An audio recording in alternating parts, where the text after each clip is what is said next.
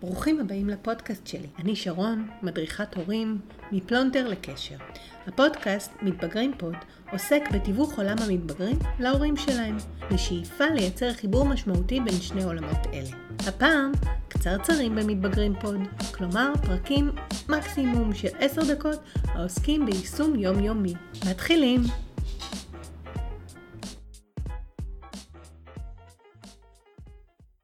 היום בקצרצרים פה על בני נוער וקורונה, ומה אנחנו ההורים יכולים אה, לסייע, או לפחות לנסות להחזיק ולשפר את המצב של אה, בני הנוער שלנו.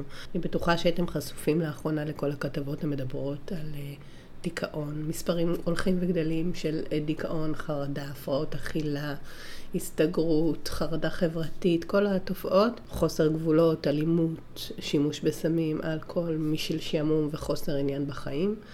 אה, כל הדברים האלה, חוסר שגרה וחוסר יציבות, זה כל הדברים שלאחרונה אנחנו שומעים על בני הנוער. אני חושבת שהתשתית לכל הדברים האלה עוד הייתה טרום הקורונה. הקורונה פשוט העצימה את הדברים האלה, העצימה את המספרים של בני הנוער, שבעצם מסתובבים אבודים אה, וחסרי אה, כיוון בעולם. פונים בעצם לקבל נחמה בכל מיני ערוצים וחווים דיכאון או חרדה. עכשיו אני רוצה קצת ללכת להתחלה, אני באה מבית מדרשו של אלפרד, אלף, של אלפרד אדלר, והוא אומר שהאדם קודם כל הוא יצור חברתי. הוא פועל וזקוק לחברה, זה הבסיס כדי להרגיש קיים. הקיום האנושי המיטבי פועל בתוך חברה. זה תלוי בקשר שלנו עם אחרים. כשהילדים שלנו קטנים, אז בעצם המשפחה מספקת להם את החברה הראשונה. זו חברה מאוד חשובה, כי בה הם לומדים איך להתנהל, איך מדברים, איך נראית זוגיות, איך נראה אבא, איך נראה אימא, איך נראה אה, יחסים עם קבוצת השווים כשיש להם אחים.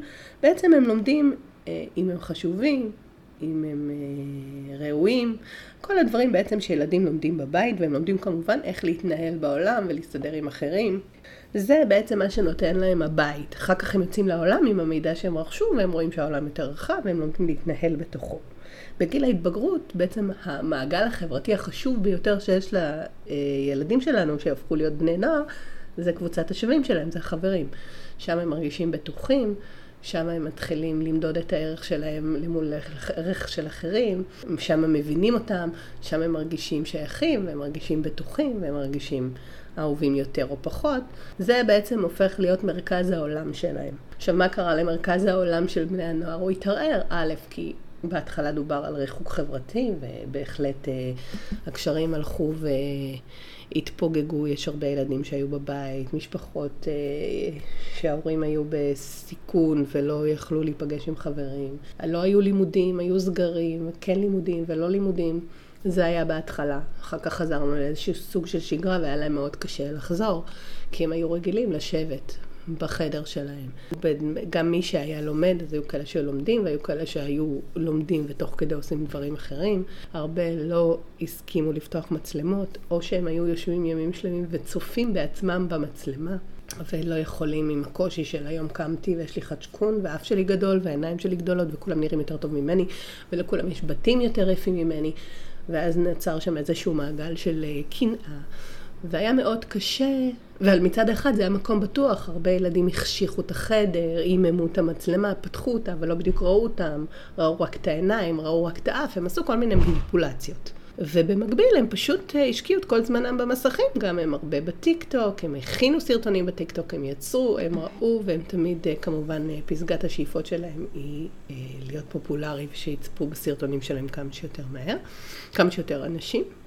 אז נוצר איזשהו עולם מאוד אה, דל, רדוד מצד אחד, כי אין בו קרבה אמיתית ואין בו מופעים של קרבה אמיתיים, אה, אין בו חום ואין בו אהבה, זה עולם מאוד ממוסך, מאוד אה, חד-ממדי.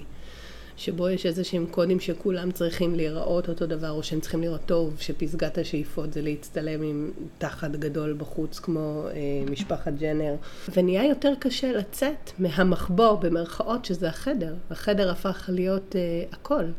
אנחנו מתחבאים מאחורי המצלמה. עוד פעם אני צריך להילחם על המקום שלי, ילדים שהיה להם קצת יותר קשה ובכל זאת הצליחו להתחבר וליצור לעצמם קבוצה של חברים. יכול להיות שהייתה איזושהי נסיגה. אה, נוצרו קשיים חברתיים גדולים. מעבר לכל זה, הייתה גם חרדה מהמצב, כיוון שהם חיו ב... הם חיים בתקופה של חוסר יציבות וחוסר ודאות.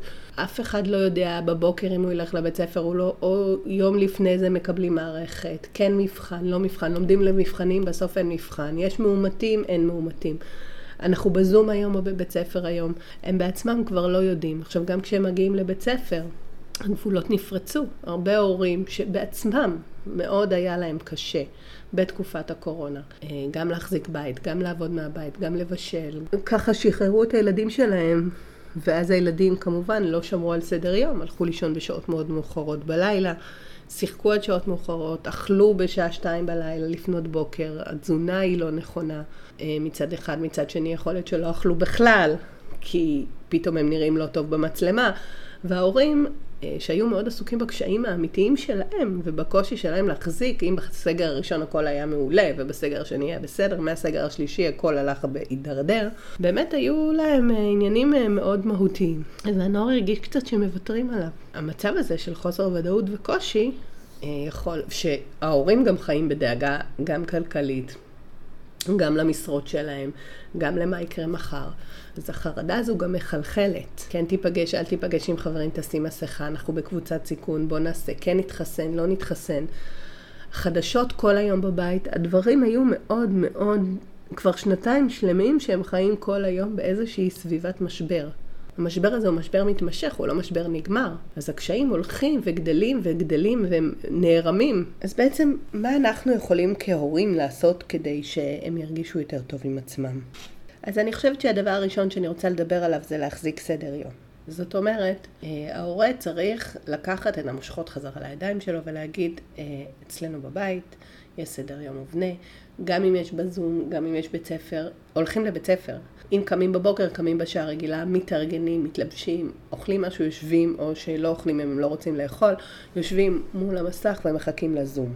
גם אם אתם לא בבית, אתם לא יכולים לדעת מה הם יעשו, אבל אתם מבחינתכם יש סדר יום. יש אחרי זה ארוחת צהריים, יש מטלות של הבית, יש שעה שהולכים לישון בערב, יש שעה שיש במקלחת, יש שעה שחוזרים הביתה, לא מסתובבים עד אמצע הלילה עם חברים. אנחנו מקפידים על סדר יום, גם אנחנו וגם הילדים. גם אם אנחנו עובדים מהבית, אנחנו נותנים דוגמה אישית, אנחנו קמים, אנחנו מתלבשים, אנחנו מתארגנים, אנחנו הולכים לעבודה. גם אם העבודה היא בתוך הבית. זה מייצר איזשהו סדר, איזשהו בסיס יציב וביטחון. המסר הוא שאנחנו לא בחופשה. החיים ממשיכים להתנהל על אף המצב. הדבר השני שאנחנו יכולים לעשות זה לתווך את הסיפור, לשקף שהקורונה זה בינתיים מצב נתון, היא לא מצב זמני. כרגע אנחנו חיים בקורונה טיים. אין לדעת מתי ואם בכלל היא תיעלם. אנחנו צריכים לשקף את הצדדים החיוביים. זאת אומרת שהעולם המשיך, שעשינו חיסון, שיש חיסונים, שהחיים בעצם ממשיכים כסדרה. נכון שלפעמים יש גלים, אבל בין הגלים אנחנו חיים כרגיל וחיים טוב. יש גמישות. המסר הוא שהיכולת להסתגל היא החשובה. אין טעם להילחם במצב. אנחנו לא יכולים להילחם. אין על מה. יש מצב נתון, יש קורונה, אנחנו יכולים לעשות את הכי טוב שלנו לחיות לצד הקורונה. להסתגל ולגלות גמישות. הדבר השלישי שאנחנו יכולים לעשות זה להזכיר להם את הכוחות שלהם. איך לאורך השנתיים האחרונות, מתי הם התמודדו היטב, מה הם עשו שעזר להם, איפה הם הצליחו להתעלות על התקופה הזאת, מתי הם הצליחו להתגבר, איך הם חזרו יפה לבית ספר, איך הם מצליחים עדיין ולעשות משהו שהם לא עשו קודם, כל מיני דברים קטנים שאתם יכולים לאסוף להם בשנתיים ולטפטף להם אותם, לטפטף את ההצלחות שלהם, שגם בתוך המצב הזה הם הצליחו להתעלות עליו. ובאותה נשימה אני אומרת שגם צריך לאפשר להם להרגיש חרא, להתבכיין, לפרוק, להציף את הקשיים, ללכת איתם רגע לשם.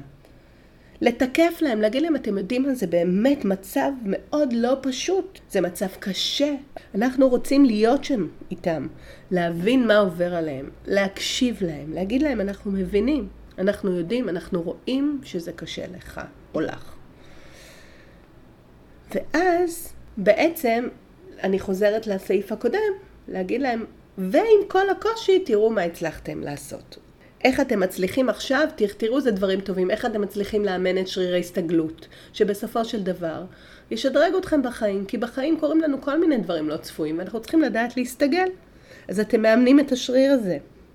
ותראה איזה כיף היה לנו זמן, או תראי איזה כיף היה לנו זמן איכות שלא היה לנו הרבה זמן, אני למדתי להכיר, מאוד נהניתי לבלות בחברתכם, למדתי עליכם דברים חדשים. בעצם לשקף להם שוב את הדברים הכן טובים שהיו בתקופה. הדבר הקריטי זה להיות נוכחים, לא לשכוח אותם. הם מסתגרים בחדרים, אנחנו לפעמים, השקט התעשייתי הזה נוח לנו. לא. לדאוג להיכנס, לצפות איתם, לקבוע איתם לראות סדרה, להתעניין בסרטונים שהם רואים, לשאול אותם מה שעובר עליהם. להציף, לא בצורה תוקפנית ופולשנית, אבל לא להתעלם. אם הילד שלכם נראה לכם לא בסדר, תציפו. תגידו לו, אתה נראה לי לא בסדר כי ככה וככה וככה. מה שעובר עליך, אני פה בשבילך. לא לרדת, לא להתחיל עכשיו אה, בכוח לחצוב ממנו, אבל בהחלט, בהחלט אפשר להציף את זה, זה חשוב שהם ירגישו שמישהו רואה אותם, שהם לא יכולים להסתיר.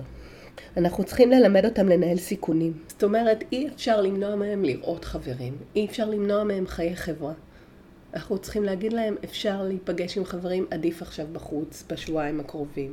תנסו, כן, אם זה אנשים שאתם לא מכירים, להיות עם מסכה. תבחרו לכם שלושה ארבעה חברים ואיתם תעשו איזושהי סוג של קפסולה, לפחות ברגעים הקריטיים, בגלים, בשבועיים שלושה של הגלים שזה אקוטי. כן לעודד אותם לשמור על הקשרים החברתיים שלהם, מתי שאפשר. זה חשוב. להגיד להם גם שזה צריך לדעת לנהל סיכונים. גם זה ייקח אותם לעתיד. כי אנחנו, כל החיים שלנו הם חיים של ניהול סיכונים. מה עדיף, מה הרווח, מה המחיר, ואיך אנחנו יודעים לתווך את זה. להקשיב לתחושת הבטן שלכם. אתם מכירים את הילד שלכם הכי טוב. אם הוא מרגיש לכם לא מאה אחוז, תחפשו, תבדקו, תתבוננו. אתם יודעים. שימו לב. גבולות, גבולות, גבולות. זאת אומרת, כן, תציבו את הגבולות ותנסו לוודא. מה זה תנסו? תדאגו שהם יודעים את הגבולות ושהם מתנהלים בתוך הגבולות האלה. לא מסתובבים בלילה, כשהולכים אומרים עם מי הולכים ולאן, טלפונים של חברים, הם צריכים להוכיח אחריות כל הזמן אם הם אומרים שהם יהיו בשעה מסוימת שיהיו, אם לא ללכת לקחת אותם. להיות, להציב גבולות ולדאוג שהם יקרו. תשתפו אותם בקשיים שלכם, בפתרונות שלכם, איך אתם מתמודדים. אתם יכולים גם ללכת לתקופות אחרות שהן לא קורונה, שבהן היה לכם קשה והצלחתם להתמודד. מה עזר לכם? מה עובד לכם? עכשיו, כל הדברים שאמרתי פה הם דברים שצריכים להיות, אבל במנות קטנות, מדודות. הנוכחות של ההורים צריכה להיות זמינה. שהם ידעו שאתם נמצאים שם בשבילם, שאתם רואים אותם, שאתם עומדים שם יציבים, ואתם תתפסו אותם אם הם יפלו. שהם יכולים לפנות. כל הזמן לדגדג, להגיד, לנסות, לייצר קשר, אבל לא להציג, במנות קטנות ומדודות. ולסיום אני רוצה לצטט את ויקטור פרנקל. ודאי האדם הוא יצור שהוצבו לו גבולות, וחירותו מוגבלת. אין היא חירות מתנאים, אלא חירות לנקוט עמדה כלפי התנאים. זאת אומרת, שמה שאנחנו יכולים לעשות, זה מה תהיה עמדתנו כלפי המצב, כלפי הקורונה, איזה עמדה אנחנו בבית, מה ה modeling ההורי שאנחנו נותנים כלפי הקורונה. ה modeling ההורי שלנו, אם אנחנו לא בסטרס, אם אנחנו לא מביעים חרדה, אם אנחנו מתנהלים בשיקול דעת ואנחנו משקפים, אז הילדים שלנו ירגישו בטוחים יותר, ויכול להיות שזה יאפשר להם רווחה נפשית. אז תודה רבה שהאזנתם. זה היה פרק אה, טיפה ארוך, אבל אה, אני חושבת שזה משמעותי היום. לדעת איך אנחנו יכולים לעזור לבני הנוער שלנו להתנהל טוב יותר בתוך התקופה המטורפת הזאת. תהיו בריאים, נשתמע בפרק הבא. תודה שהאזנתם. מוזמנים להירשם כמנויים לפודקאסט באפליקציות השונות. כך תקבלו התראה כשעולה פרק חדש. הרישום הוא חינמי. מוזמנים גם לבקר בדף הפודקאסט בפייסבוק, ליצור קשר בכל הערוצים. אשמח לשמוע מה חשבתם ולקחתם. ביי.